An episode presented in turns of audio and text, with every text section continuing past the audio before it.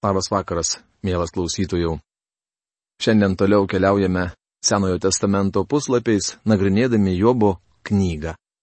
Praėjusioje laidoje pradėjome nagrinėti 12-14 skyrius, kurių tema Jobas atsako trim draugams.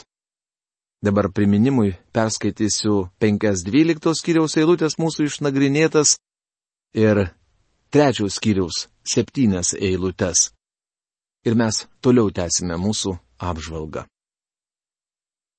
Taigi, dvyliktas skyrius, pirma penkta eilutės. Tada Jobas atsakydamas tarė.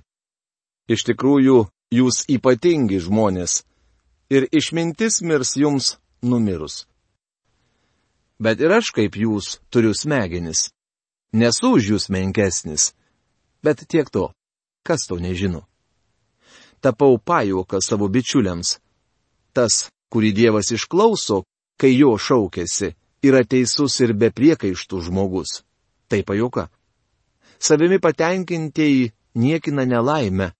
Ji ištinka tuos, kurių kojos dreba. Likusioje dvyliktos skyriaus dalyje Jobas toliau dėsto, kad jo draugai netokie jau išmintingi. Ne jie vieni žino šitą apie Dievą. Jobas taip pat nusimano apie Dievo galę žmogaus gyvenime. Taip savo akimis visą tai mačiau, savo ausimis tai girdėjau ir suvokiau. Ką jūs žinote, tai yra žinau. Nesu už jūs menkesnis. Vis dėlto kalbėsiu visagaliui, aš noriu ginti savo bylą Dievo akivaizdoje. O jūs drapstotės melu, visi jūs netikę gydytojai. O kad jūs iš viso tylėtumėte, tai būtumėte išmintingi. Tad išgirskite mano bylą, išklausykite priekaištų iš mano lūpų. Argi gindami Dievą jūs meluosite, dangstysitės apgaulėmis? Jobo knygos 13 skyriaus 1-6 eilutės. Šiandien žvelgiame toliau. Argi būsite jam šališki ir stosite byloje už Dievą? Argi išeis jums į gerą, kai būsite ištirti? Nejau galite jį apgauti, kaip žmogus apgauna žmogų. Jis tikrai jūs išbars, jeigu savo širdyje esate jam šališki. Jobo knygos 13 skyriaus 80 eilutės. Jobas sako, jog Dievas baus juos už tai, kad kalba apie jį netiesą. Argi jo didybė jūsų negazdins ir jo baimė jūsų neapims, Jūsų pamokymai kaip pelenai, o jūsų gynyba - molio skydas. Tad patilėkite, išsakysiu, ką galvoju. Nesvarbu, kas man atsitiks. Įsikandęs dantyse nešiu savo kūną ir ant delno pasidėsiu gyvastį. Jobo knygos 13 skyriaus 11-14 eilutės. Matome, kad Jobo tikėjimas nepažeistas. Jis atlaikė inirtingą draugų puolimą. Beje, kaip pamatysime, dabar šie vyrai pasidarė Jobui nebe draugai, o visiškai svetimi žmonės. Nors jis ir gali mane užmušti, pasitikiu juo. Prieš jį ginsiu savo kelius. Jobo knygos 13 skyriaus 15 eilutė. Tai didysis Jobo tikėjimo išpažinimas. Matote, draugai kaltino Jobą kažkokią slaptą nuodėmę, kaip amoralumas ar nesažiningumas jis tuo neprasikaltęs. Tačiau čia pradedame išvelgti jo problemo šaknis. Jobas sakosi, eisęs pas Dievą ir prieš jį ginsęs savo kelius. Mano draugė, jei stosite prieš jį ir imsite gintis, išsyk pralaimėsite. Dievo akivaizdoje te galite prisipažinti kaltas, nes jis jūs pažįsta. Negalite stoti prieš Dievą su advokatu, kad šis savo gudrumu ir lankstumu išteisintų jūs nuo jums skirtų kaltinimų. Joks advokatas nepajėgus atšaukti Dievo tvirtinimu, kad visi yra nusidėję ir stokoja Dievo garbės, kad nėra teisaus, nėra nei vieno ir kad žmogus, kuris nuslida, turi mirti. Dievas paprasčiausiai nepakeičia šių sprendimų. Nuo jų neišteisins net pats galbočiausias advokatas.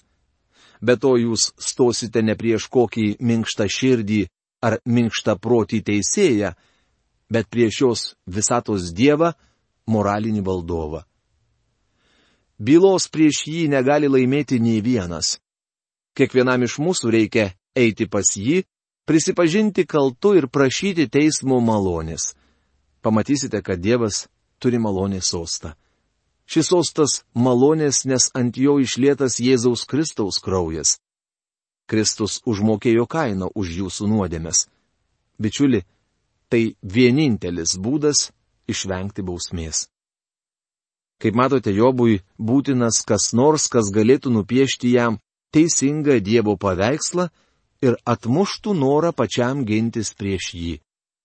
Kažkas turi parodyti šiam vyrui, kad jis gali pasikliauti Dievo gailestingumu. Kaip matote, Jobo knyga mums daug ką pasako. Aš būsiu Dievo akivaizdoje ir jis mane išgelbės, nes nedoras žmogus nedrįstų stoti prieš Dievą. Jobo knygos 13 skyriaus 16 eilutė. Šio vyro siela regi silpną prošvaistę. Jobas sako, jis bus mano išgelbėjimas, kosto burbulio vertime. Beje, pastebėkite, jog ne tik naujajame, bet ir senajame testamente mokoma, kad Dievas yra mūsų išgelbėjimas.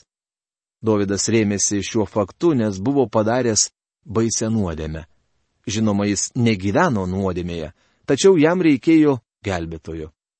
Davidas rašė, tikrai yra jis mano uola ir mano išganimas, mano užuovėja. Niekada nedrebėsiu. 62 psalmis, 3 eilutė. Išgelbėjimas ne moneta, kurią nešiodami kišenėje galite pamesti. Dievas yra išgelbėjimas. Šiandien mūsų išganimas yra Jėzus Kristus. Arba jį turite, arba ne. Arba pasitikite juo, arba ne. Bičiuliai, kitų alternatyvų nėra. Arba stovite vienoje pusėje, arba kitoje. Arba jūs už jį, arba prieš jį ir nėra niekame kitame išgelbėjimo, nes neduota žmonėms po dangumi kito vardo, kuriuo galėtumėte būti išgelbėti, rašoma apaštalų darbų knygos ketvirtos skyriaus dvyliktoje eilutėje. Jis vienintelis ieško pražuvusios žmonijos. Nuostabu, kad Jobas, kuris greičiausiai gyveno patriarchų laikais, Abromo, Izaoko ir Jokūbo dienomis, regėjo prošvaistę. Tad įdėkite į širdį mano žodžius, te būna jūsų ausise tai, ką pasakiau. Jobo knygos 13 skyriaus 17 eilutė. Jobas sako, paklausykite manęs. Štai parengiau savo bylą ir žinau, kad būsiu išteisintas. Jobo knygos 13 skyriaus 18 eilutė. Jobas galvoja galys laimėti bylą netgi prieš patį Dievą. Jis sakosi žinas, jog bus išteisintas, tačiau ne dėl to, kad kažkas kitas būtų parūpinęs jam teisumą. Šiandien kai kurie žmonės tvirtina, aš visai nebijau stoti prieš Dievą, nes visiškai pasitikiu savo gerais darbais. Turiu tokiems žmonėms naujienų. Dievo akivaizdoje jie jau pasmerkti. Bičiuli, mes visi nusidėjėliai. Gyvename pasaulyje, kuris sukilęs prieš Dievą, nes mūsų širdys piktos. Ne vienas iš mūsų nėra toks svarbus, kad Dievas negalėtų apseiti be mūsų įgyvendindamas savo planus šioje žemėje. Jis kuo puikiausiai apseitų be mūsų. Bet ačiū Dievui, jis mylimus ir parūpino išeiti, kaip mes galime būti išteisinti. Teisėjas pasigailėjo mūsų ir atsiuntė savo sūnų, kad šis prisijimtų mums skirtą bausmę. Dėl to jis gali mus išteisinti. Kas nori stoti į teismą prieš mane? Sutinku iš anksto būti nutildytas ir mirti. Jobo knygos 13 skyriaus 19 eilutė. Kosto burbulio Biblijos vertime šie eilutė skamba taip. Kas galėtų mane kaltinti? Jei aš nutilčiau, atiduočiau savo dvasę. Įdomu. Iš pradžių Jobas sakė, jog trokšta mirties. Gailėjosi, kad iš viso gimė. Dabar kalba, kad jei nutiltų, atiduotų savo dvasę. Tai kaip čia yra Jobai? Jei nori mirti, kodėl nesiliauji kalbėjęs? Kaip matote, jis nenutyla. Jobas dar kalbės. Toks jau yra tas žmogelis. Mes visi turime ką pasakyti. Tik suteik man du dalykus, tuomet nesislėpsiu nuo tavo veido. Atitolink savo ranką nuo manęs ir neleisk, kad tavęs išsigaščiau. Jobo knygos 13 skyriaus 20-21 eilutės. Jobas įbaugintas. Tada šauk ir aš atsakysiu arba leisk man pirmam kalbėti ir man atsakyk. Jobo knygos 13 skyriaus 22 eilutė. Šis vyras aiškina Dievui, ką jis turi daryti. Bijau, jog taip elgiamės daugelis iš mūsų. Dažnai girdžiu žmonės skundžiantis, kad Dievas neatsako į jų maldas. Nieko panašaus neatsakytų maldų nebūna. Dievas visuomet atsako į maldą, tačiau dažnai jo atsakymas būna neigiamas. Na bent jau į daugumą mano maldų jis atsakė ne. Tačiau tai irgi atsakymas. Reikia pripažinti, kad dažnai mes nesimeldžiame, o nurodinėjame Dievui, kaip jis turėtų elgtis. Kalbame su juo tarsi seržantas su paskutinėje eilėje stovinčiu eiliniu. Sakome, daryk tą arba daryk taip. Bet Dievas nėra pastumdėlis. Jobas bando paaiškinti Dievui, kaip jis turėtų elgtis šioje situacijoje.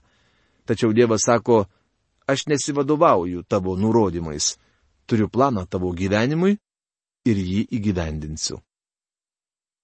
Sykį turėjau garbės kalbėti krikščioniško koledžo studentų grupeliai ir buvau labai nustebintas, kai šie jaunuoliai ėmė ginčytis su manimi apie maldą. Jie sakė, kokia nauda iš maldos? Juk Dievo nepakeisi. Jiems atrodė, kad malda beprasmi. Tai priminė man Jobą. Studentai mane, kad Dievas turėtų būti visiškai priklausomas nuo jų. Tokia buvo jų samprata apie maldą. Bandžiau paaiškinti šiems jauniems žmonėms, kad maldos tikslas nėra pakeisti Dievą. Iš kur mes tai ištraukėme? Negi manome, gali į maldą pakeisti Dievą. Jis jau sudarė planą ir turi visą informaciją. Taip pat savo maldomis negalime pasakyti Dievui nieko, ko jis nežinotų. Pirminis maldos tikslas - kad pasikeistume mes.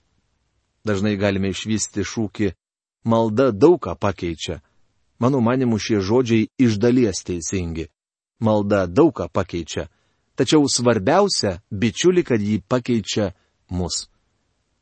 Dievas nėra berniukas atskubantis vos tik paskambinus varpeliu. Nemanykite, kad galite jį pasišaukti, norėdami perduoti ar gauti žinę. Matome, kad būtent to tikėjosi Jobas. Nekaltinu jo dėl to, nes pats esu daręs tą patį.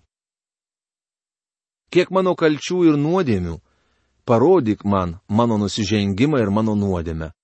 Kodėl slepi savo veidą ir elgesi su manimi kaip su priešu, ne jau nori gazdinti vėjo blaškomą lapą ir pulti vieną sausą šiaudą, Jobo knygos 13 skyriaus 23-25 eilutės. Iš tikrųjų, Jobas prašo, kad Dievas atidengtų savo kortas. Jis nori žinoti, kiek kartų prasikalto ir nusidėjo, kad suprastų, kodėl su juo taip elgiamasi. Jobas sakosi, esas itvėjo blaškomas ir nuolat mindžiojamas lapas. Mano kojas įdėjai iš jėkštą, stebi visus mano takus ir sėki mano pėtsakais. Žmogus sudulėja kaip uvėsis, kaip kandžių suėstas drabužis. Jobo knygos 13 skyriaus 27-28 eilutės. Jobas jaučia, kad nyksta kaip puvėsis. Jis visiškai nesupranta savo kančių priežasties.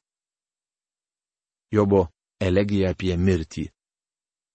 Žmogus gimęs iš moters gyvena trumpai, bet turi daug vargo. Jobo knygos 14 skyriaus pirmą eilutę. Tai grina tiesa. Vargas yra bendras žmonijos vardiklis. Visi mes esame patyrę vargų. Kaip sakė Elifazas, iš tikrųjų žmogus gimsta vargti, kaip žiežirbus kilti aukštyn, rašoma Jobo knygos penktos kiriaus septintoje eilutėje. Vargo kalba žino visa žmonija. Pražįsta kaip gėlė ir nuvysta, praskuba tarsi šešėlis ir nesustoja. Jobo knygos 14 skyriaus antra eilutė. Jobas sako, kad mirtis neišvengiama. Anksčiau ir vėliau mes turime palikti šį pasaulį. Gyvenimas tarsi šešėlis. Kas atsitinka su šešėliu, kai nusileidžia saulė? Jis pranyksta. Vis dėlto į tokį įsmeigi savo akis ir kvieti teisti su tavimi. Jobo knygos 14 skyriaus 3 eilutė. Mano gyvenimas panašus į nupjautą gėlę ar blėstantį šešėlį. Ir visgi Dievas mato mane ir vis dar turi su manimi reikalų. Kas gali padaryti švarų daiktą iš nešvaraus? Niekas negali. Jobo knygos 14 skyriaus 4 eilutė. Jobas pamini svarbę tiesą. Mes visi gimėme nusidėjėliais. Davidas kalbėjo, aš gimęs kaltėje ir mano motina mane pradėjo nuodėmėje. 51 psalmė 5 eilutė. Kaip kuris nors iš mūsų gali būti be nuodėmis, jei visi turėjome nuodėmingą tėvą ir motiną? Neįmanoma padaryti švaraus daikto iš nešvaraus. Tai universali taisyklė.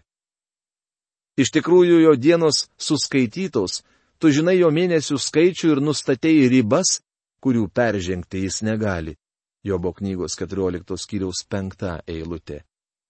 Jobas sako, jog kaip žmogus jaučiasi įspraustas į kampą. Davidas rašė, nors eičiau per mirties šešėlio slėnį, 23 psalmės 4 eilutės citata. Ar jis kalbėjo apie savo paskutinėsias dienas? Ne.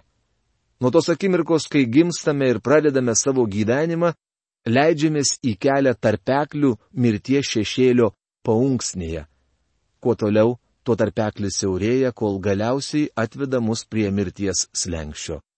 Šioje žemėje mes visuomet esame mirties šešėlio paunksnėje.